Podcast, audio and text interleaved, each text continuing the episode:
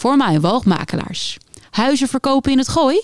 Dat doen wij al sinds 1936.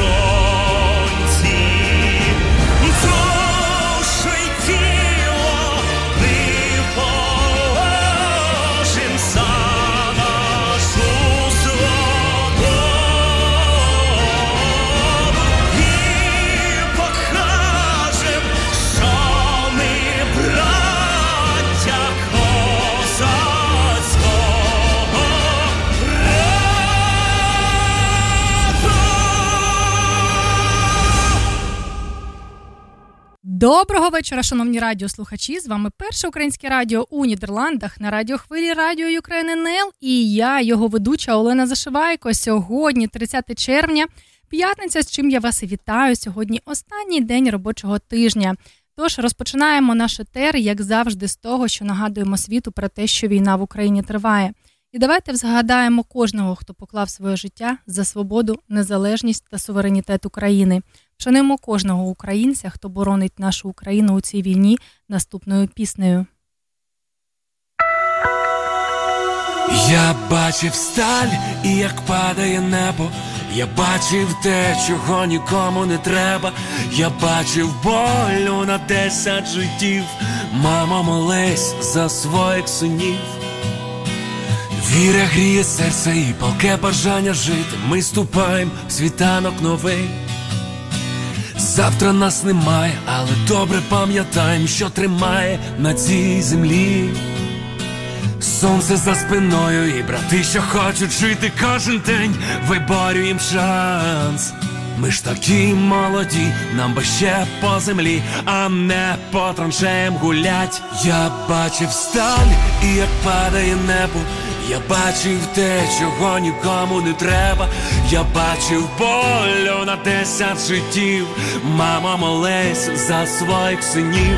Я бачив страх у очах навпроти. Я добре вивчив свого ворога профіль. Я бачив болю на десять життів.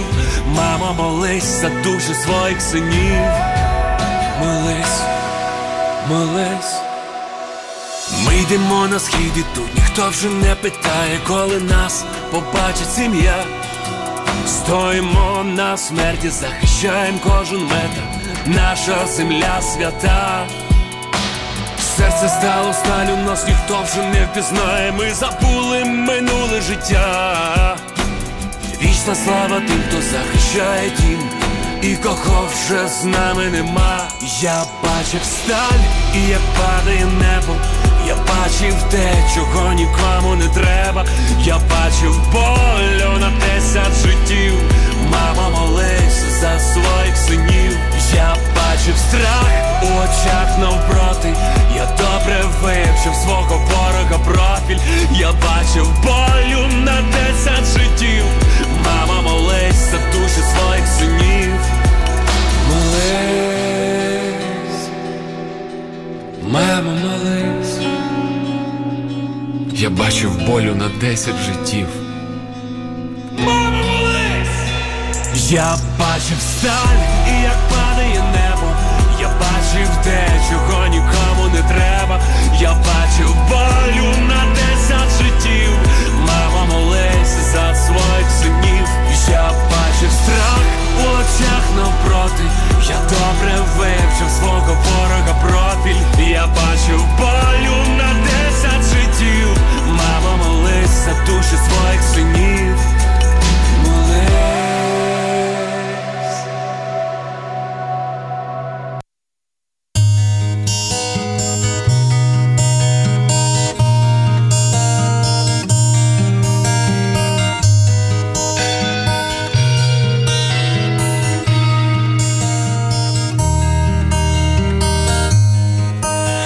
Йдемо по одній прямій, лютий ворог збиває з ніг. Нас було так багато мрій, а тепер лиш одна на всіх.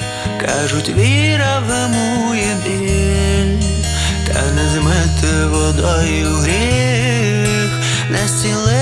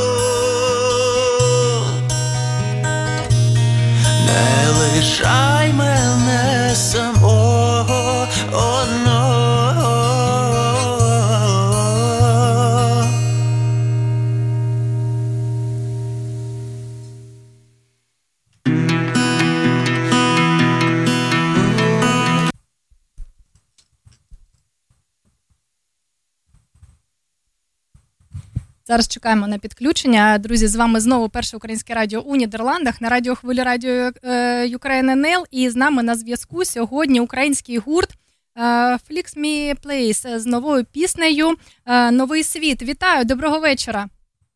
Вітаю, дуже радий бути тут. Як ваш настрій? Розкажіть, як ваш день взагалі? Супер, супер, дякую за запрошення і класно, що ми тут зібрались. Дуже приємно буде поговорити. Розкажіть, будь ласка, про себе, е, де ви зараз знаходитеся, і взагалі про створення своєї пісні. Про що вона? Е, Ну, ми зна- знаходимося в Києві. Власне, у нас два учасники, я і інший пан Микола. Е, Про що пісня? Це я думаю, що це пісня про українських людей в цілому, так хто намагається жити, любити та відкривати щось прекрасне та нове навіть під час війни. От е, в пісні можна прислідкувати історію там кохання, так, якісь особисті переживання. І основний посил це відкриття чогось нового навіть під час таких обставин. А що надихнуло на створення? Е, Важко сказати конкретно щось, можливо, історія власного кохання, якийсь в цілому так світ змінився з ніг на голову, і така мотива... мотиваційна, можна сказати. А хто ж хто ж створив це? Ви створили саме слова до пісні? Ну так, автор тексту я, там ідея, а музика здебільшого це робота пана Миколи.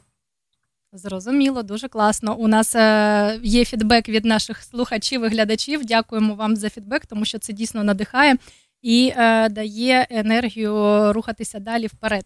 Е, розкажіть, будь ласка, ви кажете, що пісня створена е, на прикладі власного кохання. А ваша кохана вона з вами у Києві чи зараз знаходиться у іншій країні? Ні, це попередня, попередня історія прекрасного кохання. Думаю, що вона також частково надихнула для створення цієї пісні. Ну, то класно. Супер. Е, Я пропоную послухати пісню і повернутися до розмови вже після е, прослуховування. Добре? Так, супер, задоволенням.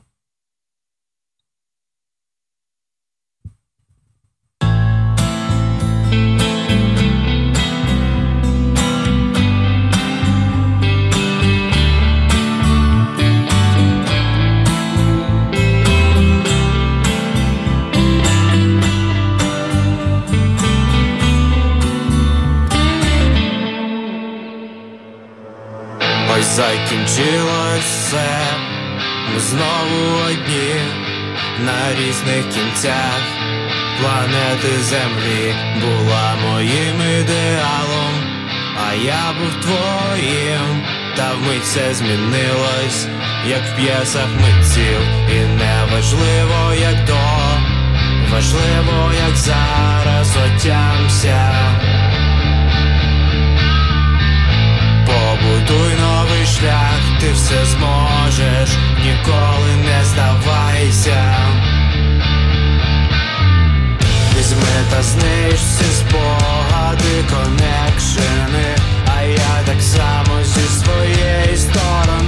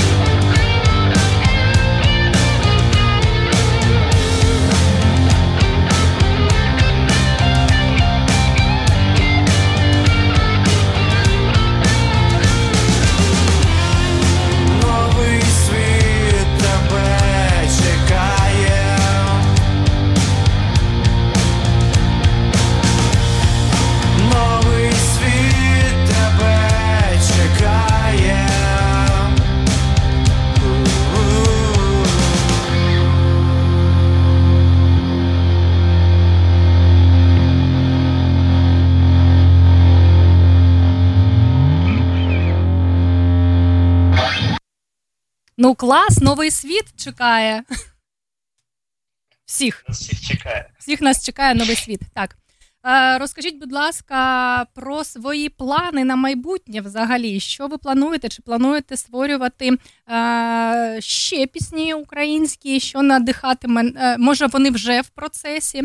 Взагалі, розкажіть про свої плани. Що ви, що ви собі маєте на майбутнє? Ну, власне, це наш перший реліз. Я сподіваюся, що пісня сподобалася, вона як є відкриттям, так, на цих гурту. І подальші плани це єпішка, тобто буде чотири пісні разом з цією. Ця також буде цю єпі. Буде дві пісні українською мовою і дві англійською. Е, цікавинка, що стиль пісень може відрізнятися, і тому я сподіваюся, що такий е, несподіваний крок сподобається нашим слухачам, і вони зацінять. А розкажіть взагалі, як е, було, яка з чого розпочало, розпочалось створення вашого гурту?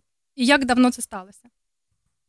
Ну, власне, я займався якби сам спочатку гітарою, писав вірші, Потім е, познайомився з паном Миколою. Я якби ходив до нього на заняття по гітарі, і якось ми так е, стоваришувалися, і, власне, і зародилася якось ідея сама по собі створення гурту. І Тобто це був ваш вчитель е, з музики, так? Ну, і можна і так сказати, так. В ході гри на гітарі ви зрозуміли, що треба рухатися вперед і створювати щось е, більше і мощніше, так? Так, так. Круто. Саме так. Е, я вітаю вас з створенням. Ви знаєте, кожного разу, коли ми запрошуємо до наших етерів е, гостей, ми просимо побажати українцям від себе. Що хочете? Е, я хочу сказати, що у нас як гурту є мрія, що ми коли заспівали пісні, там неважливо фікс Мікліс чи інших виконавців разом в нашій сильній та незалежній вільній країні. І хочу просто подякувати всім захисникам, що є можливість писати пісні, думати про написання і взагалі жити в цій країні. Тому дякую вам. Дякую е, вам також, тому що я ще раз нагадаю нашим радіослухачам, коли гості приходять до нас е, у етери і презентують свої пісні, вони також підтримують збори на Збройні Сили України. Дякую, що ви долучилися. І е, взагалі це дуже а, ні, стоп. Ви долучилися до збору на камеру, тому що точно, я перепрошую. Так, взагалі, всі всі гості, котрі приходять до наших етерів, вони е, надсилають донати на ЗСУ. А минулого разу ми попросили е, допомогти нам з придбанням, е, тому що ой, я ж почервоніла з придбанням камери. Все, точно точно все. Я просто ми ми завжди кажемо правду нашим слухачам. Дякую вам за те, що підтримали нас, і е, я бажаю вам гарного. Е- Майбутнього натхнення на створення ваших пісень, щоб все у вас вдавалося, і перемоги, мирного неба, і щоб нові пісні вже були не колишньому коханню, а справжньому, тому що у вас є. І бажаю успіху. Дякую, дякую вам. Дякую, дякую, друзі. Донайте на ЗСУ, ще почуємось. Так, до побачення. На все добре.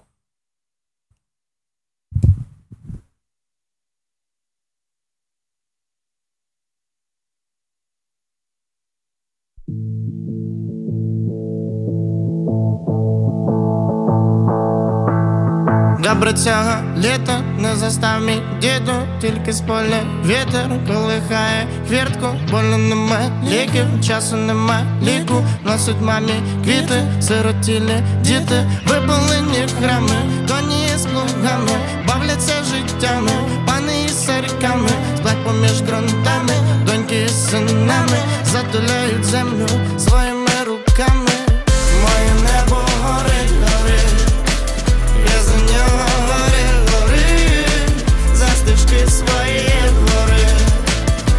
за посмішки дітвори, мою землю болить, болить, я за неї море, море, за стежки свої двори, і за посмішки дітвори, що до цього застав мій діду, твоя грушка рідний, розпускає квіти, зберемося в квітні, будемо радіти, розмалюємо квіртку, соняхи і блакиті, хата з килимами, рідні за столами, з синами, сльози щастя мами, нашими дворами, діти з колядами, твою хату, діду з неба воїн тоді затулив руками.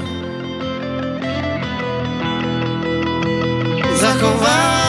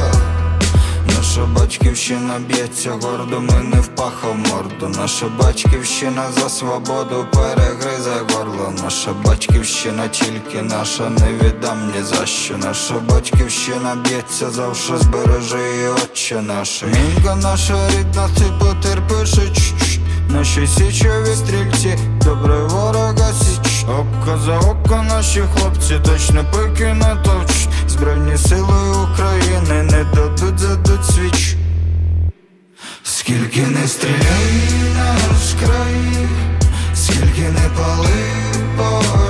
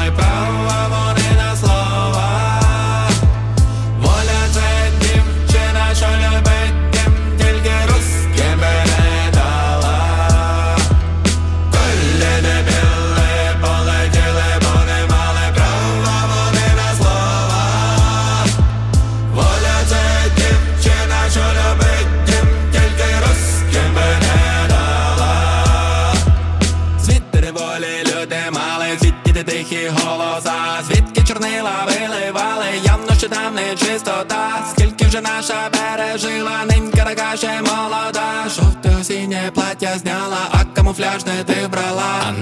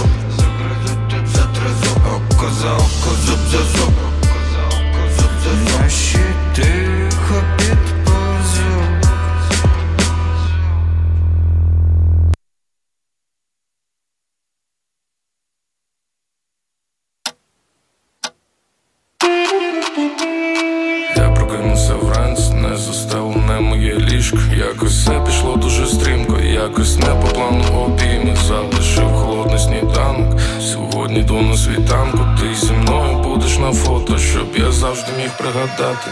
Я бачу яскраві сни, летять мої листівки, там дім, де я не бачу горя, повітря свіже та прозоре, від літа та до зими, летять мої листівки, я повернусь додому, тому, мамо, скоро, скоро, скоро, скоро.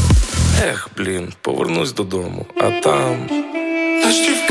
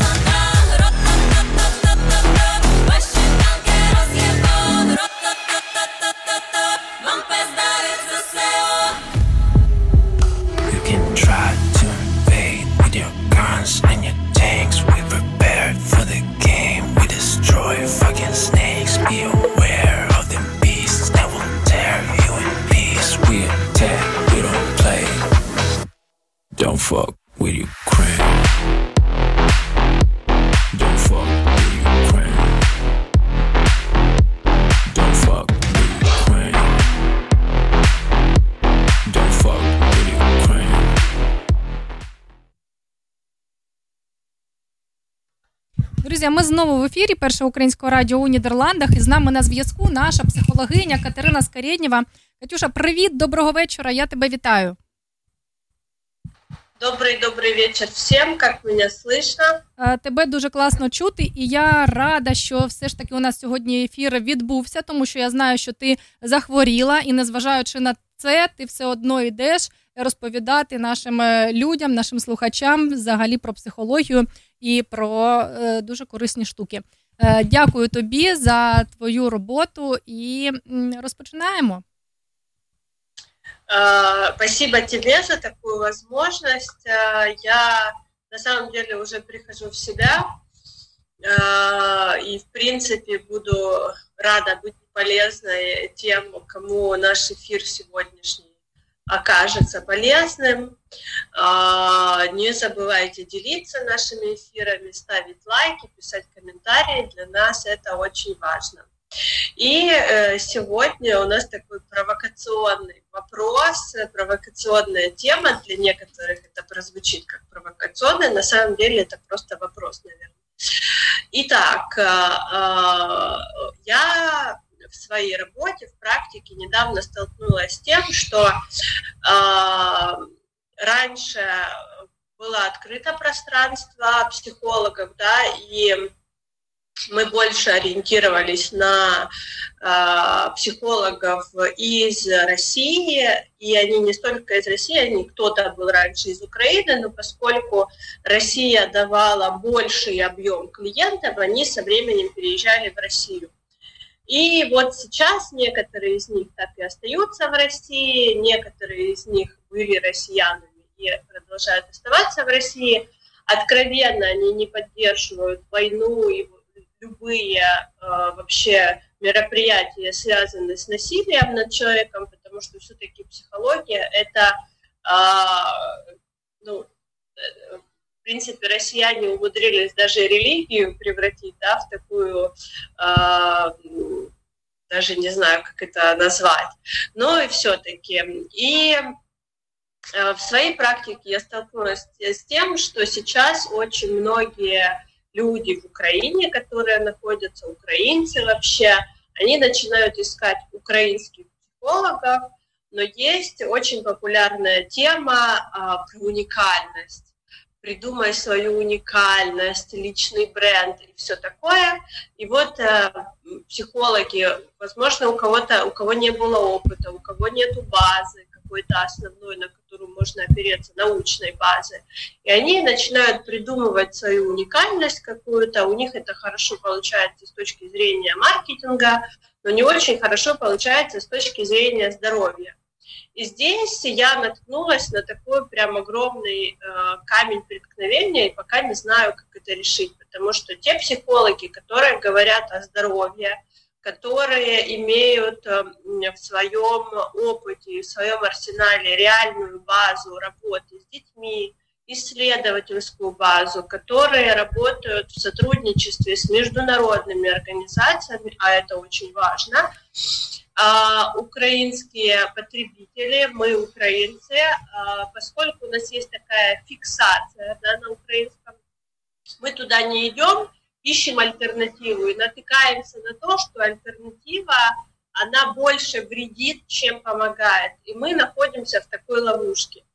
И вот, собственно, сегодняшний эфир и связан с этим вопросом, да, а как вы вообще относитесь к таким психологам, как Людмила Петрановская, э, Катерина Мурашова, Юлия Гиппенрейтер, потому что это психологи, которые имеют под собой научную базу, исследования, эксперименты. Э, Конечно же, это больше касается детской психологии, взаимодействия с детьми, вообще э, все, вся научная их деятельность направлена больше на, на взаимодействие с детьми и на обучение родителей, как взаимодействовать с детьми.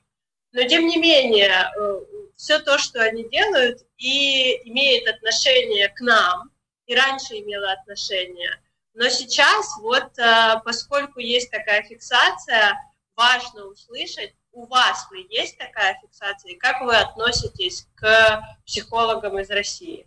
Е, Кать, я тобі хочу сказати, взагалі, я б напевне не е, обмежувалася лише психологами, тому що до нас звернулася одна дівчина. В неї також є е, така ідея, так, розвивати і ну, розширювати можливості радіо, так, і надавати, наприклад, якусь кваліфіковану допомогу для наших радіослухачів. Е, Це можуть бути і юридичні консультації безкоштовні у прямих етерах, так, е, з відповідями на питання людей. І може медична система, ну тобто різного профілю спеціалісти.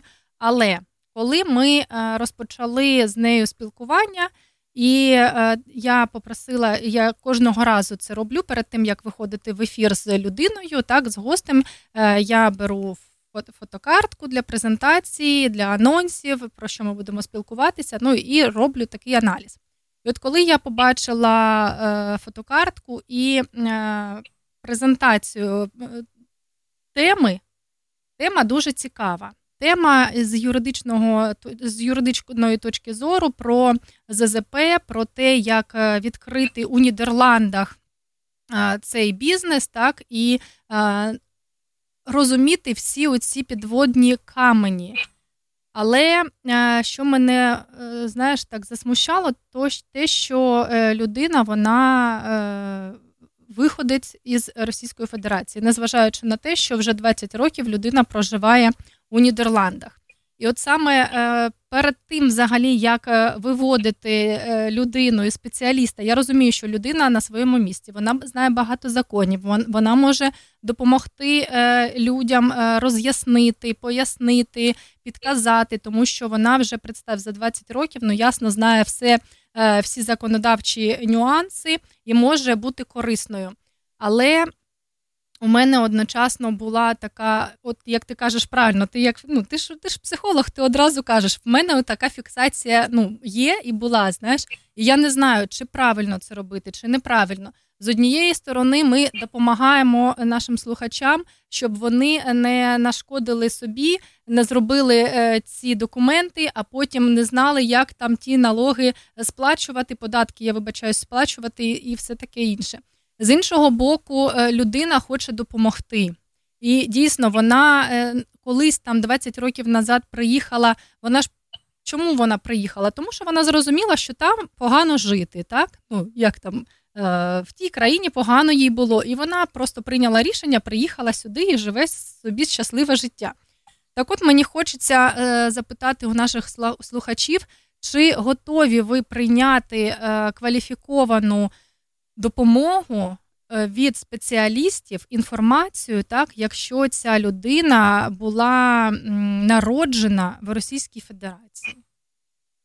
Ну, вообще, тут даже не то, чтобы была народжена. Есть э, куча э, ну, классных специалистов, опять же, та же Петрановская, да, она сейчас делает огромную работу для всех. То есть у нее нет такого, что это только для русских. Это для всех, кто готов этой информацией воспользоваться. Она рассказывает, как избежать невротизации родительской, да, как себя не довести до этого невроза, как не издеваться над ребенком, почему ребенок так себя ведет. Она рассказывает абсолютно прямым доступным языком. Э, у нее есть прекрасные лекции на Ютубе о буллинге школьном. То есть она прям по порядку рассказывает, формирование, почему это в обществе происходит, э, почему, кто за это отвечает, почему взрослый виноват, да, почему виноват учитель в этом, а не, как считается, ребенок, да. Э, вообще научное сообщество по сегодняшний день, все научное сообщество по сегодняшний день, оно вне политики. Как бы мы не остро воспринимали вот это, что сейчас вне политики быть нельзя, но э, я смотрю э, некоторых исследователей, Анохина в частности, э, сейчас они делают, ну, они очень много лет готовили эксперименты, они проводят эти эксперименты, и вот какое-то открытие, связанное с мозгом, ждется, вот они эти эксперименты проводят. Это э, длительное время занимает, да, это несколько лет, но тем не менее. И они со- сотрудничают с американскими исследователями в этой области и с британскими. И они все время обмениваются опытом, да, то есть э, и это до сих пор вне политики. То есть спорт не остался вне политики, но вот это научное сообщество, оно осталось вне политики, и они активно сотрудничают. И как бы американцы не помогали украинцам сейчас, да, но я смотрю, что россияне, э, российские исследователи э, ездят и в Америку, и в Англию, и они принимают участие в конференциях, и американцы, и англичане, и европейцы. тоже сейчас, на данный момент, несмотря на такой бойкот, несмотря на помощь Украине со всего мира, э, исследователи э, со всего мира ездят в Россию со своими э, лекциями, презентациями и, и всем остальным. Это ну, то, что называется реальность. Да? І ну, так, Ми не можемо просто одягти розжеві очки окуляри і сказати, що цього не, не, не зараз не існує. Ну це існує, і про це просто ми кажемо. Да, знаешь, ну, знаешь... и тут, подожди, сейчас я одну секунду, и тут я хочу прям вот э, подчеркнуть то, что мы никого никуда не тащим. Я как психолог, например, я должна идти за клиентом, я так и иду за клиентом. Поэтому у нас сейчас мы идем за нашими радиослушателями, я иду и э, для меня не важно, фиксируетесь вы или нет, это ваше дело, это ваш опыт. Но для нас важно понимать, насколько у наших слушателей, то, тот, кто к нам присоединяется, тот, кто за нами следит, насколько у вас вообще отзывается это. Есть у вас эта фиксация или нету? А, какие у вас ощущения, болезненные, неболезненные? Готовы вы воспринимать ту информацию или нет? И когда мы это уже будем понимать, мы будем раскрывать э, тему, возможно, э, с другой стороны, да, возможно, мы будем обходить это для того, чтобы у вас появлялся просто более, больше круг э, обзора. Или мы будем вообще говорить о другом, потому что нам важно как раз поддерживать наше сообщество, да, которое мы формируем вокруг себя, и, и обучать вас Э, как может быть по-другому. И мы это можем обучить только на своем примере, да, и вы этот пример можете принимать, можете не принимать. Вы можете вступать с нами в дискуссию, можете не вступать. И э, каждое ваше мнение ценно для нас сегодня, потому что э, мы это делаем для того, чтобы Э, вы получали какую-то выгоду из этого, да, и вся наша деятельность направлена как раз на формирование того общества, на которое сможет опереться основная масса после того, как это все закончится. Потому что когда это все закончится, это все только начнется, да, вот эта массовая невротизация, она уже случилась. Массовая травматизация, она уже случилась. И нам нужно часть здорового общества, на которое можно опереться. Те люди, которые не будут реагировать на какие-то триггеры, на какие-то вспышки, да, те люди, которые э, уже будут знать и уметь как э, обходиться в той или иной ситуации. Да? Те люди, которые будут знать и уметь, что такое мои чувства, эмоции, как их не накапливать, как их выражать так, чтобы не раниться самому и не ранить кого-то другого. И вот, вот эти знания и умения как раз и помогут не формировать новые конфликты, а обучать других людей на вашем примере, э, снижать вот этот уровень агрессии. Собственно, это наша цель і то, чим ми займаємося здесь. Е, я знаю, що я хочу додати. Ну, це особисто моя думка, і е, як ти кажеш, що вас цепляє, що вас не цепляє. Ну я ж як ведуча, я як е, ну як люди. Знаєш, ну я ж не прокачана, я не психолог. Ну, я кажу те, що я ну відчуваю, і чому ми взагалі під сьогодні про це говоримо. Тому що ну я також це е, трошечки боляче сприймаю. Я ще помітила таку штуку. Знаєш, я не знаю, як в Італії ну, у вас, може, ти спілкуєшся з людьми з такими, може не спілкуєшся. Але у Нідерландах також є спільнота. Взагалі е, дуже багато е, в ну, в Європі і в інших країнах багато людей е, з Росії. І вони тут давно живуть, і вони там хтось ну, хтось підтримує українців, хтось не підтримує війну. Хтось ненавидить ненавидить українців і взагалі каже: Я сюди приїхав не для того, щоб тут зараз українці ходили. Таке ми теж проходили. Я особисто ну, була свідком такого е, листування. І от е, у мене була бесіда з одною людиною, котра мала е, бізнес у Нідерландах. Після початку війни цей бізнес довелося прикрити, тому що е, граждані РФ не можуть сплачувати зі своїх карток е, ну, послуги так, цього бізнесу. І е, людині довелося піти на просто на якусь роботу е, у найм. І що відбувається? я бачу, ну я це відчуваю, я не знаю, як це пояснити. Я бачу, що є люди, котрі дійсно не підтримують війну, не підтримують усю цю агресію, і вони підтримують українців, біженців, намагаються е, допомогти, волонтерити від чистого серця, і це відчувається. Знаєш. А є ті, котрі постраждав їх бізнес або ще щось, і вони, типу, хороші зараз, щоб якось допомогти, щоб вийти з цієї ситуації з також з вигодою для себе. І отут от така дуже е, тонка грань, як відрізняти цю допомогу і як її приймати. Тому що, якщо ну особисто для мене, наприклад, якщо людина е, від чистого серця підтримує Україну, українців, то у мене до цієї людини немає питань. Якщо я розумію, що це все фікція, знаєш, і для того е, я сьогодні допомогла, е, вийшла там потім в соцмережі, зробила, що я така класна, що я там допомагаю, і потім е, беру і наживаюся на цих самих людях, котрі приїхали у статусі біженця. Отут е, така штука, як взагалі е, люди це сприймають. Ну, не знаю. От чому я і захотіла з тобою про це сьогодні поспілкуватися. Ну, опять же, это э, воображение, да? Угу. Потому Мое. что ну, это воображение каждого из людей, у кого есть какие-то вот представления о том, что наживается или не наживается. Мы здесь говорим, можем говорить о неком балансе, да, человек делает э, підтримку э, добровольно, да, и он это делает всегда с какой-то целью. Кто-то это делает э, с, с той целью, чтобы получить какую-то выгоду, да. Кто-то это делает для какой-то очистки совести. Кто-то это делает для того, чтобы почувствовать себя э, важным и значимым.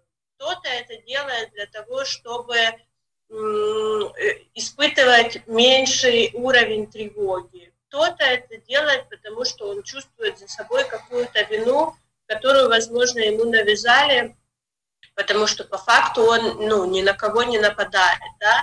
И здесь важно понимать, что мы все, и россияне, и украинцы, мы все находимся в э, ну, практически в одной ситуации. Это можно сравнить примерно как жертва и насильник, да, потому что жертва и насильник, они в одной ситуации. Какая разница, кто сверху и кто снизу? Они пострадавшие оба, потому что насильнику нужно было предоставить этот опыт жертве, а жертва, жертве почему-то тоже нужно было предоставить этот опыт насильнику. Это если смотреть уже с точки зрения там поглубже, да. И это все не потому, что у нее была там короткая юбка, да, или платье на ней было, Э, и неважно, на каком языке говорит жертва, мы знаем, что во всем мире существует сексуальное насилие, да, во всем мире нет таких стран, где нет насильников и жертв. Их таких стран не существует. Да, есть страны, в которых э, уровень агрессии и, собственно говоря, преступлений меньше, а есть там, где больше. Но везде, в любой стране, где ты не возьми, есть такие люди, попадаются. И Э, мы знаем попытки э, когда-то э, с, историей философии, да, когда пытались а, идеальное общество сделать, да, называется утопия. И два раза пытались, и два раза не получилось. Почему? Потому что такие люди существуют. И неважно, мы говорим на русском или на украинском языке, ну, на нас напали не поэтому. На нас напали, потому что у нас слабая страна, провалена была оборона, все распродано, коррупция на всех уровнях. А, мы продали все, что могли э, всем, отдали там последнюю рубаху, как у нас национальность, да, такая, типа вот все последнюю рубаху должен отдать. Это часть нашей истории, часть нашей культуры. От этого никуда не деться. Но если мы возвращаемся в психологию, Психология – это про индивидуальность, про индивидуальный подход. Конечно же, существует психология массы, все остальное, но тем не менее, а как мне это? Если этот русский или там кто-то там пытается помочь лично мне, как это мне. Если этот русский пытается помочь украинцам, каким-то там украинцам, которые ко мне не имеют никакого отношения, как это мне? И э, бывает достаточно часто, что э, к русским те, которые пытаются помочь, вот даже Лобода, да, она не русская, она украинка, которая пытается помочь. И тем не менее, тот хейт, который на нее регулярно сваливается, ну, э, можно проанализировать причины, да, почему сваливается. Вот ее последнее обращение, когда она говорит, э, типа, сначала девочке это и сказала, кто тебе дал за это деньги, а потом она сказала, ну вот я, типа, неудачно пошутила, я извиняюсь. Потом она говорит, что она пышается этой девочкой, которая с плакатом простояла. Здесь говорит о том, что дальше ну, будут еще хейты, потому что она в это включается. Если бы Лобода в это не включилась и э, поблагодарила ее за ее мысль, да, неважно, да, ей кто-то деньги или нет, если бы у нее не было никаких чувств по этому поводу, вот она приехала на концерт, она видит этот плакат, и она говорит спасибо, что есть и такая мысль. Спасибо Иван и тем, кто пришел на мой концерт. И дальше начинается концерт. Все, здесь это начинается из любви, и дальше нет энергии, чтобы дальше ее провоцировать. Да, и здесь как раз про то, что, опять же, вот эти все хейты, которые там на украинцев время от времени падают, это же как раз про одно и то же. И тут мы можем говорить про россиян. Вот эти все хейты, которые обрушиваются на некоторых россиян, которые помогают украинцам, ну, это же, в принципе, нелогично, да, нам помогают, а мы за это ненавидим. Но такие люди тоже есть и мы не берем их во внимание. Мы сейчас э, сужаем все конкретно к себе и просим у нашей аудитории, кто нас слышит, слушает, следит за нами, э, дать ответ про себя. Вы можете дать этот ответ э, конфиденциально, написать нам в личные сообщения. Каждое сообщение, каждый ваш ответ поможет нам э, понимать настроение нашей аудитории. Это правда важно, потому что только понимание реальности, которая сейчас существует у нас с вами, дает возможность оказать какую-то помощь, дать какую-то пользу этому обществу. Если мы будем находиться в каких-то фантазиях, да, вот если он там наживется, не наживется, ну какая мне разница, если мне надо прямо сейчас, ну вот конкретно мне, если мне прямо сейчас нужна помощь, необходима помощь, ну не помощь в смысле, там, я не знаю, сумку до подъезда донести, хотя это тоже помощь, да, вот, ну вот конкретно надо какая-то помощь срочно. И вот появляется какой-то специалист, который говорит, да, я могу помочь. Первое, что я, у меня возникает, это радость и облегчение, что наконец-то я нашел выход из ситуации. И точно у меня не возникает, э, когда там, а ты русский или украинец. Mm-hmm. Ну точно нет. Ты можешь быть кем угодно, если мне действительно нужна помощь. Это самое происходит на поле боя, да, когда ребята все в одной команде, когда они там контрнаступление или э, оборона, или отступление, неважно что, они в команде, неважно кто на каком языке говорит, неважно кто по знаку зодиака, там, да, ты скорпион или ты рыбы, неважно, кто, э, какого возраста, тебе 50 или 20, да, мы все команда, и у нас есть одна цель. Точно так же и э, здесь у нас на радио. У нас есть конкретная цель формировать общество, поддерживать общество и оздоравливать наше, наше общество, наше сообщество, да, потому что каждый человек – это вот этот маленький-маленький пазлик, который Э, и составляет потом вот это наше общество, а, и все-таки оздоровив каждого по чуть-чуть, даже если мы оздоровим 10 человек, это уже будет э, неплохое посеянное зерно, да, когда на 10 человек уже могут опереться 100 человек, да, на вот эту адекватную реакцию, отсутствие агрессии, понимание, как реагировать, да, понимание, как высказывать и проживать эмоции.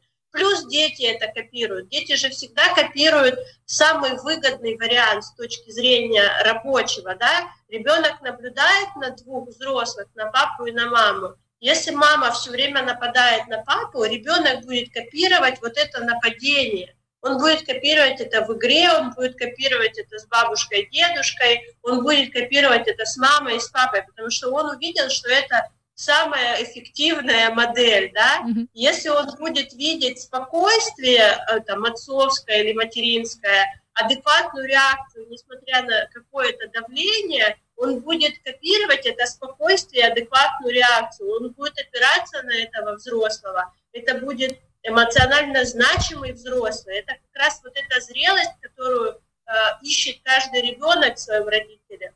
И когда мы находимся в страхах, в неврозах, в ожиданиях, во всех вот этих э, фиксациях, которые сейчас э, очень много, ребенок все время, мы-то находимся в тревоге, это фоновое наше чувство.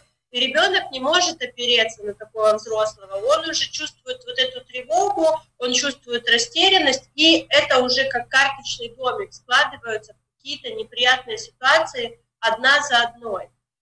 Э, собственно говоря, поэтому мы и э, задали сегодня такой вопрос и себе, и вам, и мы будем это все э, обдумывать еще, как мы, как мы к этому относимся, да, потому что, ну, это новая ситуация для нас, уже вроде бы больше года прошло, но тем не менее у нас в Украине очень мало специалистов, таких публичных специалистов, которые делают огромную такую работу, и там даже та же Холоденко, которая, в принципе, делает какие-то эфиры, какую-то э, миссию она несет, такое оздоровление, но все-таки формат тот, который делает Холоденко, очень далек до формата, который делает та же Петрановская, да, та любовь к людям, к детям, которая есть у Петрановской, и которую она транслирует всему миру, по сути, ну, далеко нет ни у Холоденко, ни у Карпачева, ни у, там, я не знаю, кто там у нас еще есть такой знаменитый в Украине.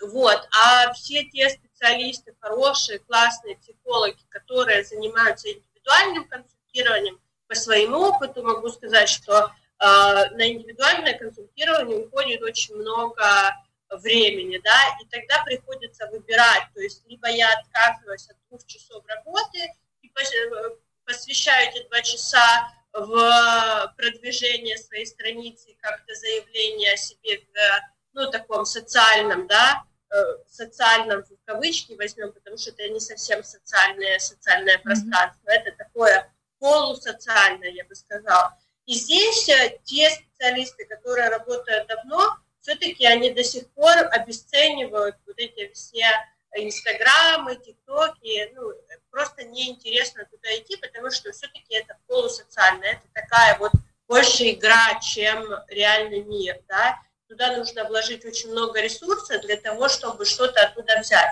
И поскольку вы с нами находитесь здесь, в этом пространстве, в Инстаграме, в Фейсбуке, и мы сюда вкладываем тоже э, время и какую-то помощь, да, на которую можно опереться точечно, но тем не менее можно опереться. Вот эту информацию кто-то услышал для себя, да, и он думает, о, а так тоже можно было, оказывается, я могу и сюда пойти. И даже если это будет 10 человек, это уже будет очень много, потому что, э, ну, как известно, 10 здоровых э, квалифицированных специалистов готовы воспитать армию. А если это 10 просто здоровых людей, они готовы воспитать как минимум 10 детей, на которых уже будут равняться дальше, и которые смогут сформировать свое здоровое сообщество. Да?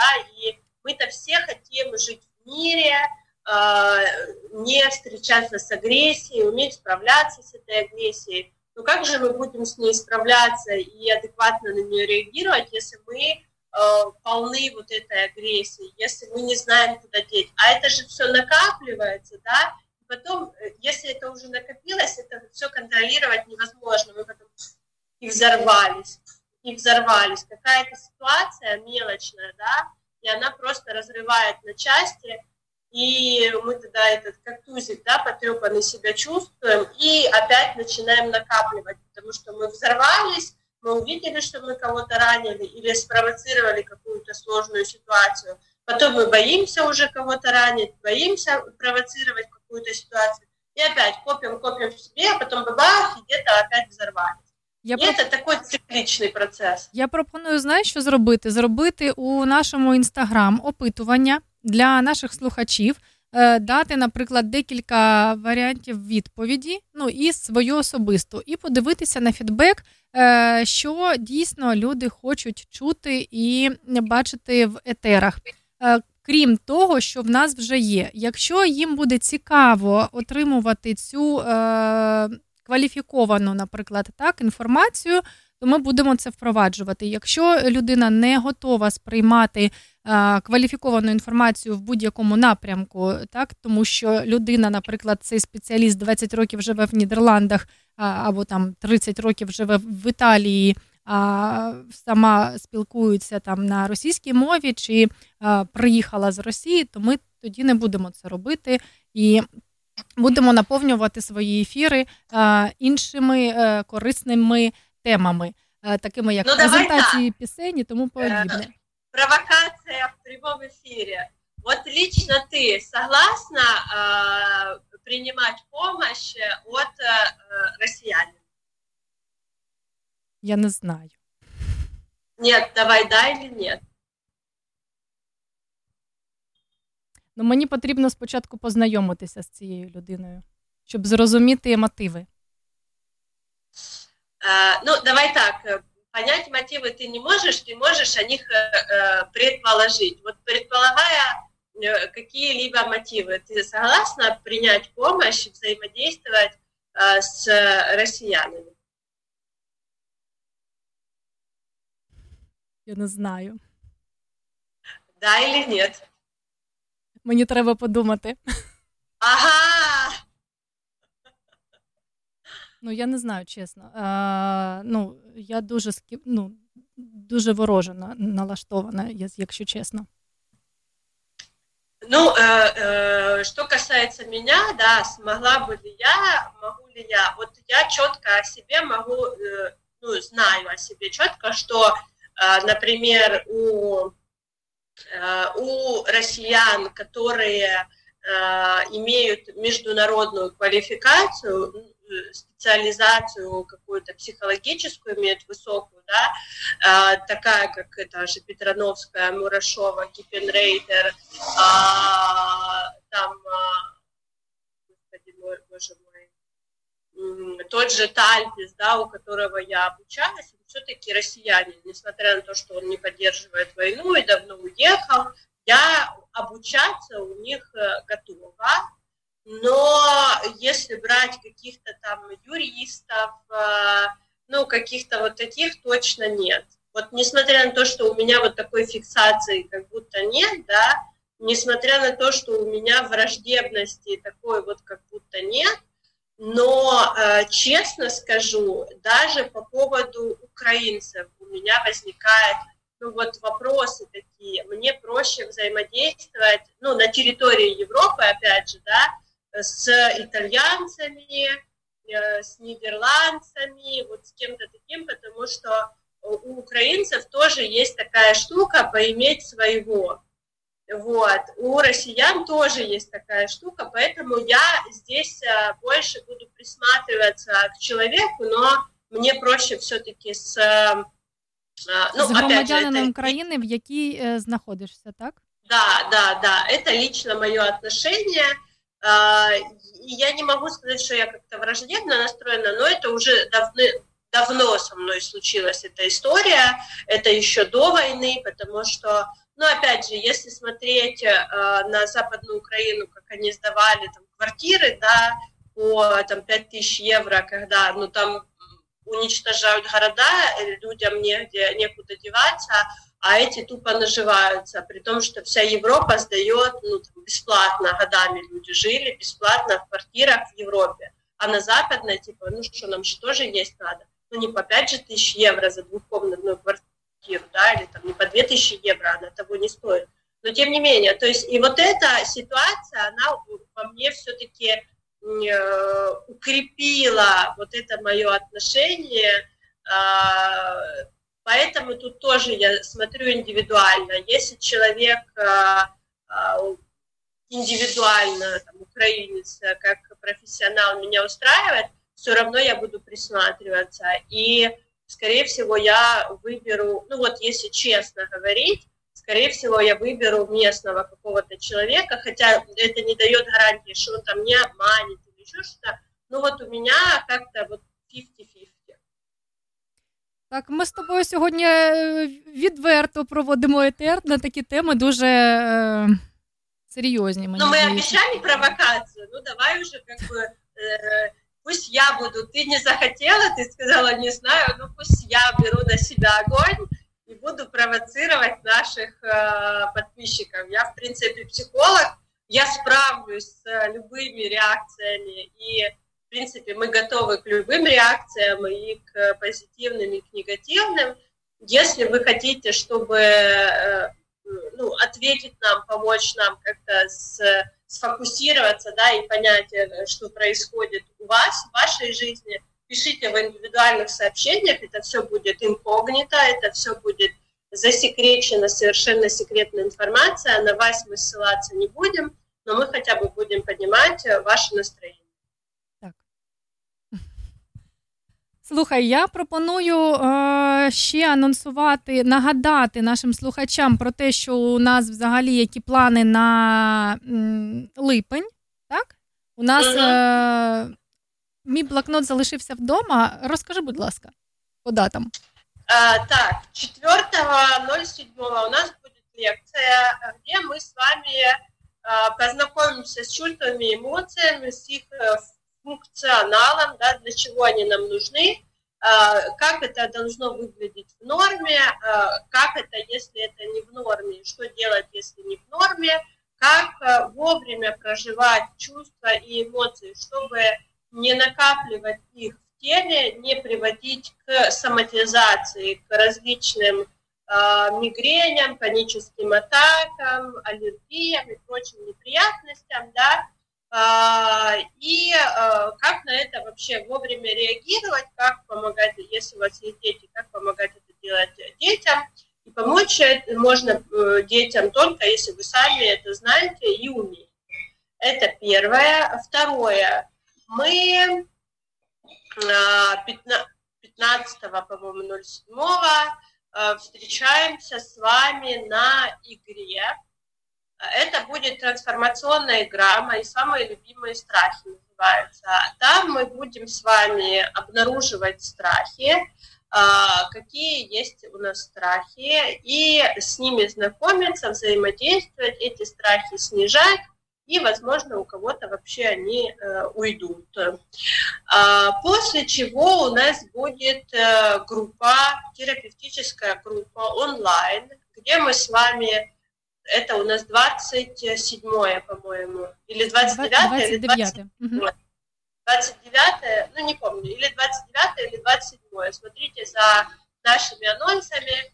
А, Опять же, мы будем работать с вашими запросами, абсолютно любыми запросами. От э, соматических каких-то э, проблем, да, психосоматических, до э, там, страхов, э, проблем с отношениями, проблем с адаптацией в Европе сейчас есть э, очень большая проблема с школами, когда учителя назначают э, детей, которые там уехали, вот они предатели, а те, которые остались, это не предатели. И тогда даже если ситуация усугубляется, да, когда становится реально опасно находиться, родители очень боятся, что их ребенка назначат предателем и выбирают подвергать опасности жизнь и здоровье себя и своего ребенка, только лишь бы какой-то там учитель не назначил этого ребенка предателем. А, Так вот, на этих группах мы тоже вас будем от этого освобождать, будем делать магию, вы уже не предатель. Кого беспокоят эти темы и не только эти, какие-то другие, приходите, мы будем вам рады, э, не просто рады, и рады помочь э, разобраться в этих ситуациях и убрать какие-то ситуации.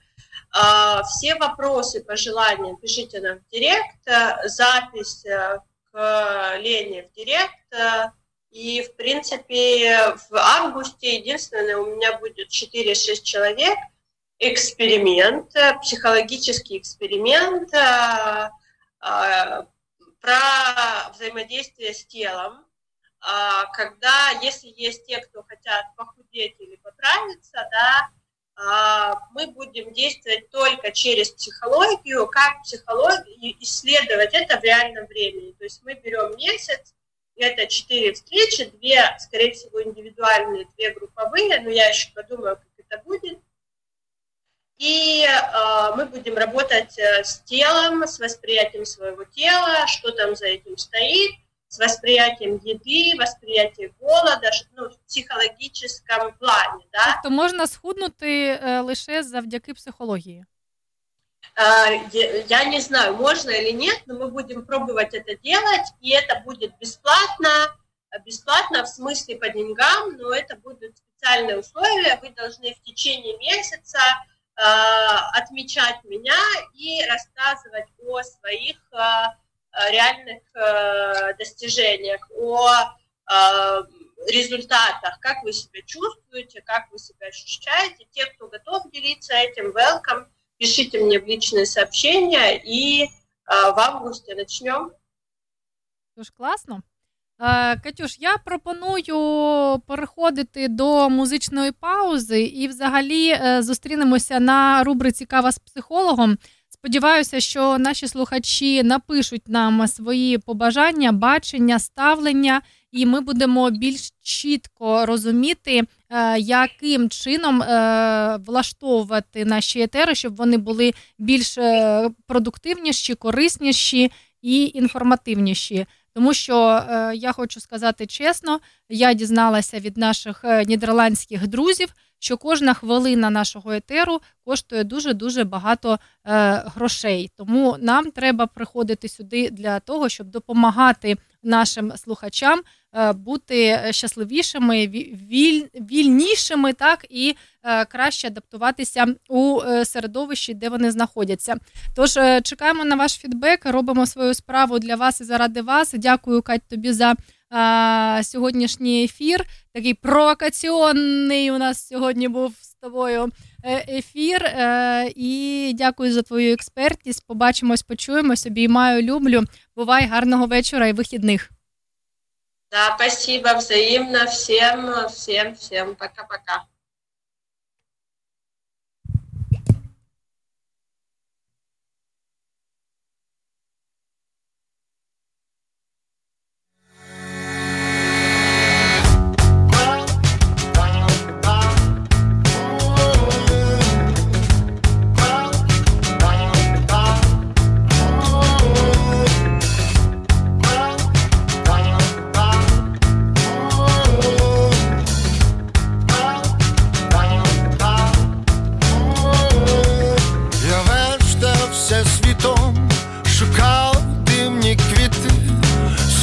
Наступним кроком рахував роки, твоїми ногами знаходив занедбані храми, серце відлите в камені, легшало навпаки.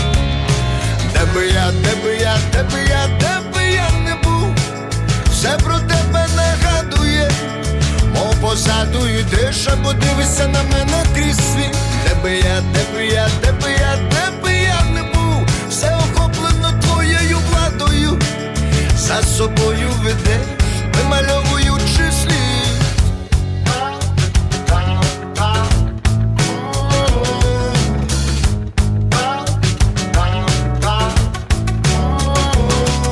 Буває, злітаю Хочу сховатись від зграй, все вмить завмирає, коли очі твої кидають пелюстки.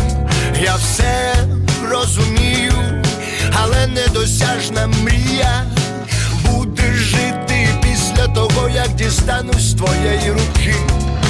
Де би я, де би я, де би я, де би я не був, все про тебе не нагадує, бо позаду йдеш, а подивися на мене крізь світ. Де би я, де би я, де би я, де би я не був, все охоплено твоєю владою, за собою веде, вимальовую.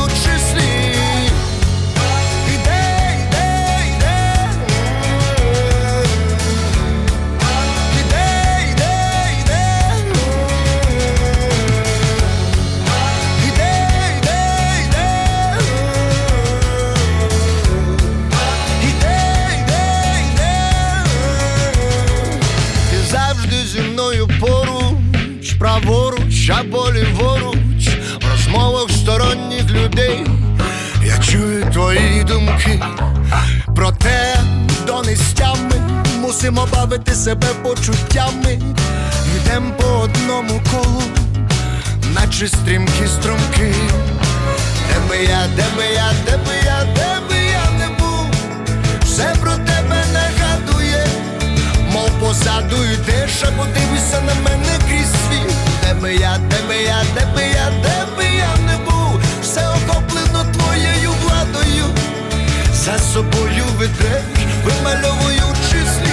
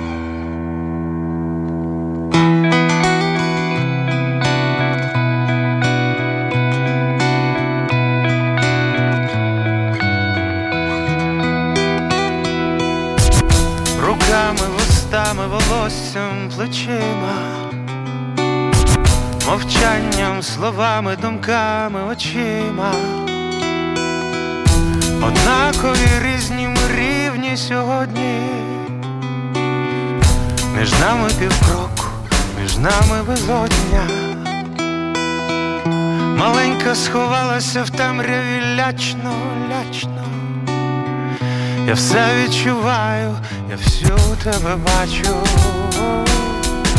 і ковдрою теплою кожухом стану, якщо ти попросиш, як не перестанеш.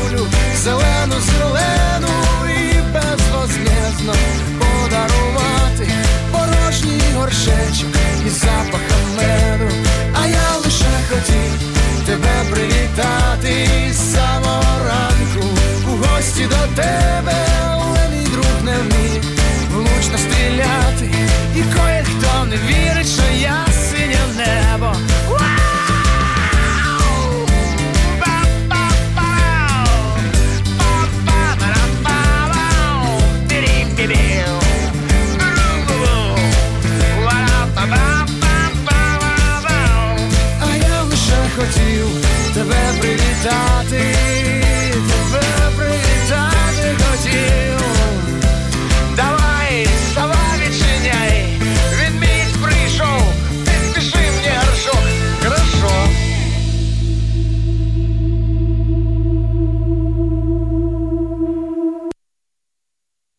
Москва згоріла і втонула, Москва пішла на корма кулам.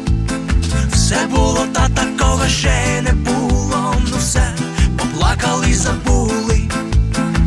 А їм розказують про те, що там просто був пожар, і знов на їхнім ростеве розвели дурний базар. Та зберігайте оптимізм, бо тут є певний символізм. Одна Москва пішла на дно, і друга піде заодно. Москва згоріла і втонула, Москва пішла на корма кулам. Все було, та такого ще не було. Ну все, поплакали забули.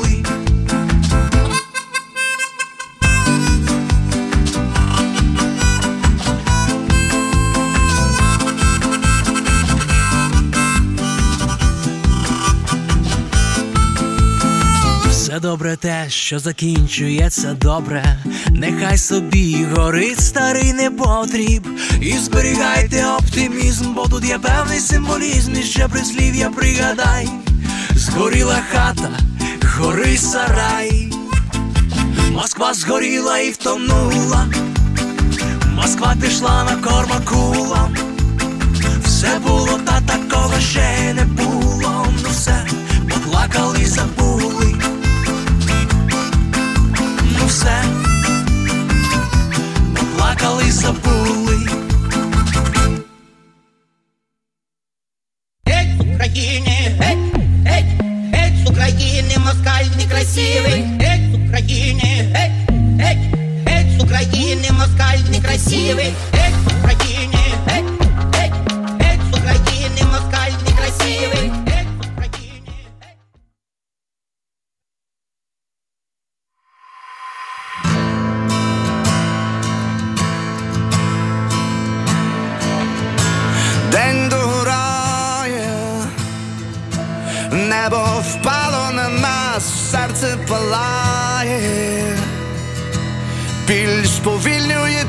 нас місто нас огортає, у собі дітей ховає, наших дітей ховає, вічності стане на всі мужності.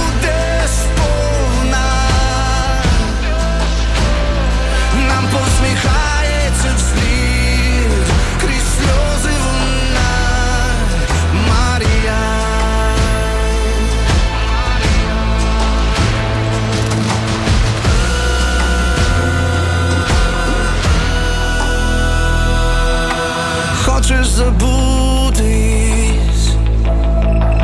та сили катма згадуєш лютий, а дому нема замість дому війна, 0431 2402 Вічності стане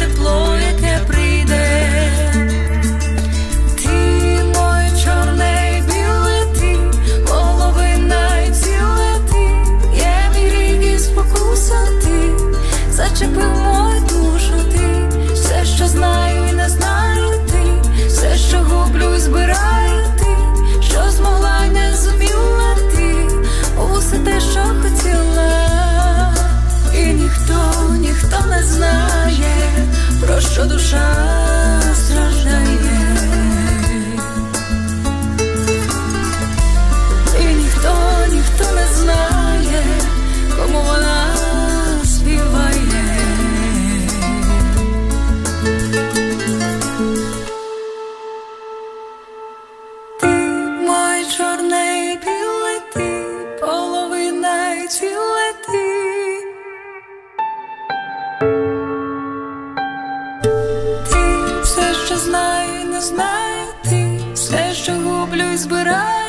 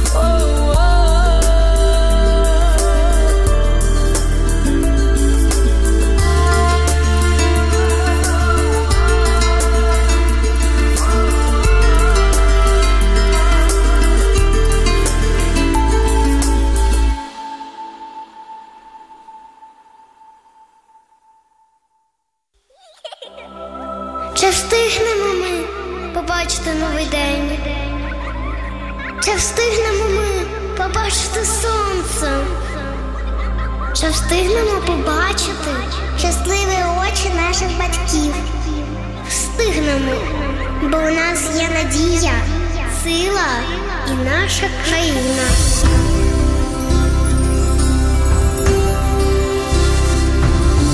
Віра в перемогу, віра до кінця, спалює тривогу нам дорогою добра. І правда на нашому боці, бо під ногами наша земля. У безсмертя йдуть герої, бо країна в нас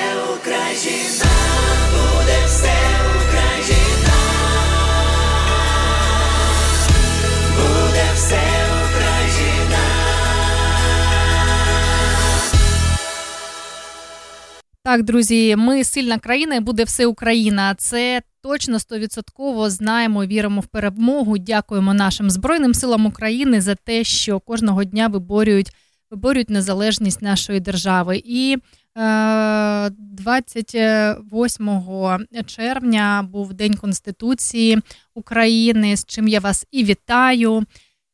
І нагадую, що ми кожен, кожен з нас, українець, хто знаходиться у Європі або у інших країнах світу, ми є амбасадорами нашої держави. І по нашим е, діям, по нашим е, розсудам, по нашим е, ставленням до оточення.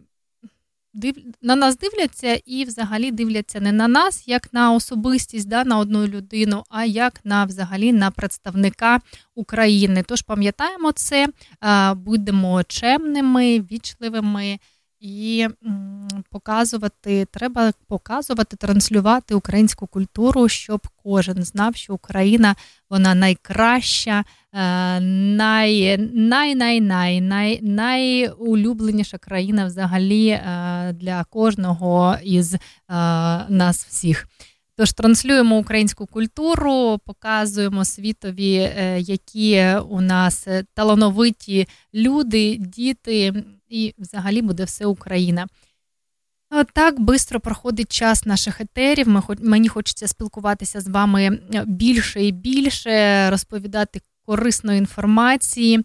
І сьогодні у нас такий був етер. Я не можу сказати, що він був провокаційний, тому що я особисто дуже переживаю з, з цієї ситуації, яка складається. Я розумію, що багато людей, навіть ну, походження так, з Російської Федерації, котрі виїхали давно, багато років е, тому і живуть в Європі, вони зовсім по-іншому мислять, на них не впливала та пропаганда, котра впливала на е, людей, на цих зомбі, котрі живуть зараз е, в країні агресорці. Але я не знаю. От бачите, коли мене Катерина спитала, як ти ставишся до цього, напевно, в мене також є свої тригери, тому що я втратила і друзів, і близьких людей, і колег, і мені тяжко, наприклад, сприймати е, людей з цієї країни як нормальних. Чомусь в мене все-таки є такий. Ем, не знаю, як навіть сказати. Ну, тобто, вони для мене як тригер є. знаєте. Я розумію, що багато багато із них не підтримує а, вторгнення Російської Федерації в Україну. Я розумію, що багато із цих людей не підтримує війну. Е, ніхто там не, не вбивав, наприклад, е, українців, але. Все одно мені також дуже цікаво, як ставитися ви е, до цієї ситуації, тому що і на минулому тижні була така історія з організацією концертів, наприклад, українських співаків. Їх організовували люди, котрі проживають вже певний час у Нідерландах, і також з Російської Федерації. Е, там були е, зустрічі з військовими, і ці всі фотографії були оприлюднені у соціальні мережі, начебто і класна е, зустріч, все супер здорово. Зробили концерт, провели концерт, приділили увагу військовим. Але я не знаю. Ну, я не знаю. Я взагалі спілкуюся е, лише, намагаюся спілкуватися лише з українцями або з е, іншими національностями нідерландцями, наприклад. Та?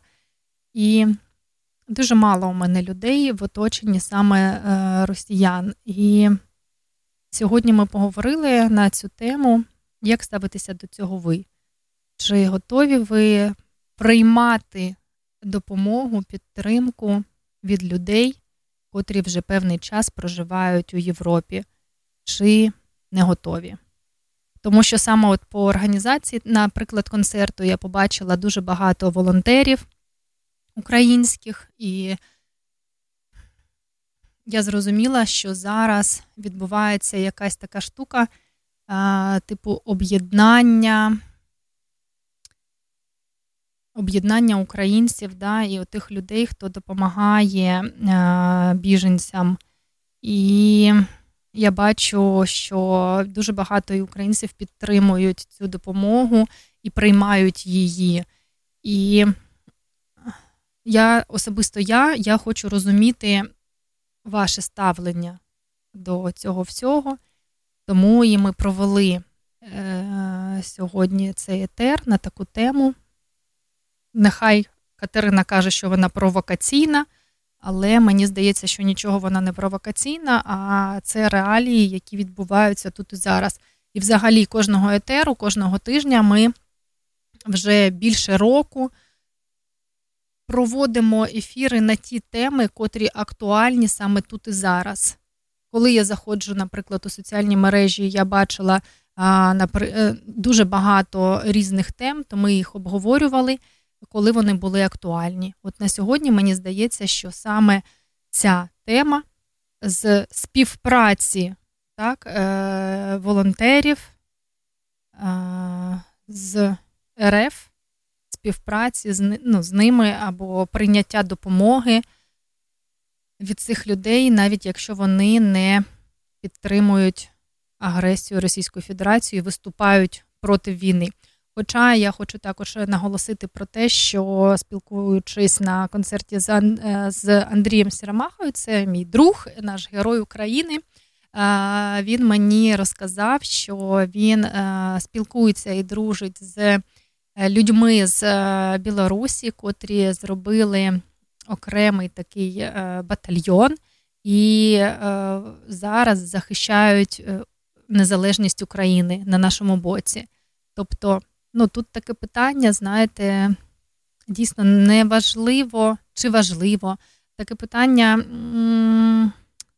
де б ви не народилися, але все одне залежить від того, як ви сприймаєте світ і яка у вас позиція. Будь ласка, напишіть у наш інстаграм. Кожне повідомлення буде конфіденційним.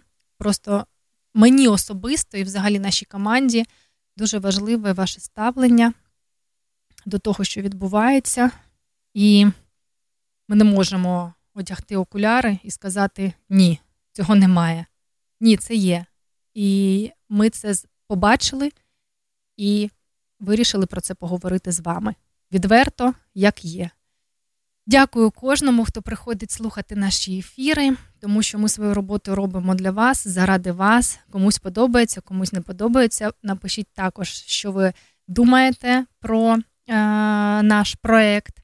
Ми хочемо бути корисними, продуктивними, надавати вам інформацію, е, яка вам допомагатиме у вашому житті, е, скоріше адаптуватися, так, або полегшити у якихось напрямках ваше життя, налагодити відносини з дітьми, зі своїми друзями, з людьми, хто знаходиться в Україні, тому що ми також про це говорили.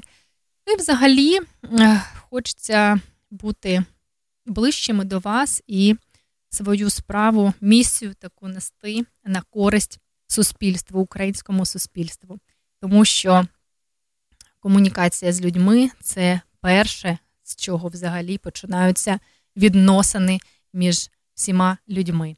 З вами була я, Олена Зашивайко, ведуча першого українського радіо у Нідерландах. Сподіваюся на вашу підтримку розуміння. Може, комусь не сподобався сьогоднішній ефір, а може навпаки сподобався. Але ми вважаємо за правильне говорити правду, та яка актуальна саме сьогодні і зараз. Дякуємо всім. Гарних вихідних. Почуємося вже у наступному ефірі. Всім пока, бувайте, обіймаю, люблю. Гарного вечора.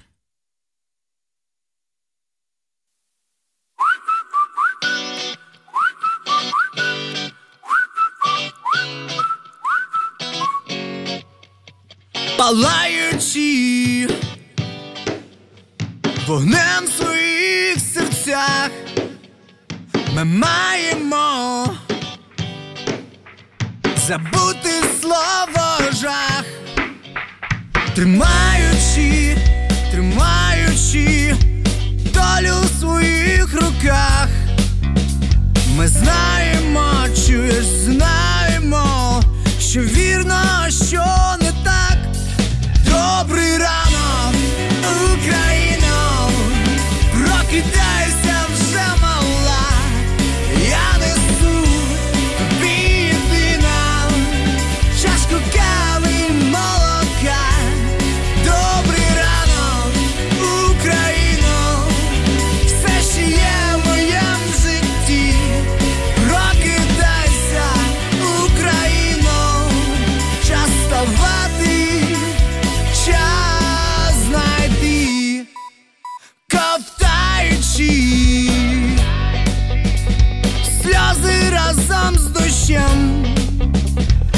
callemos.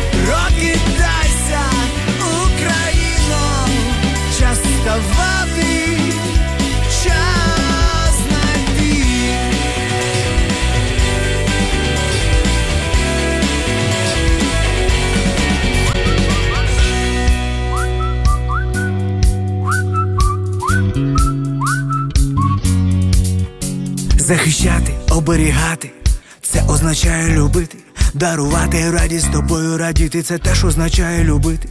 Любити значить прощати, і просто як є сприймати.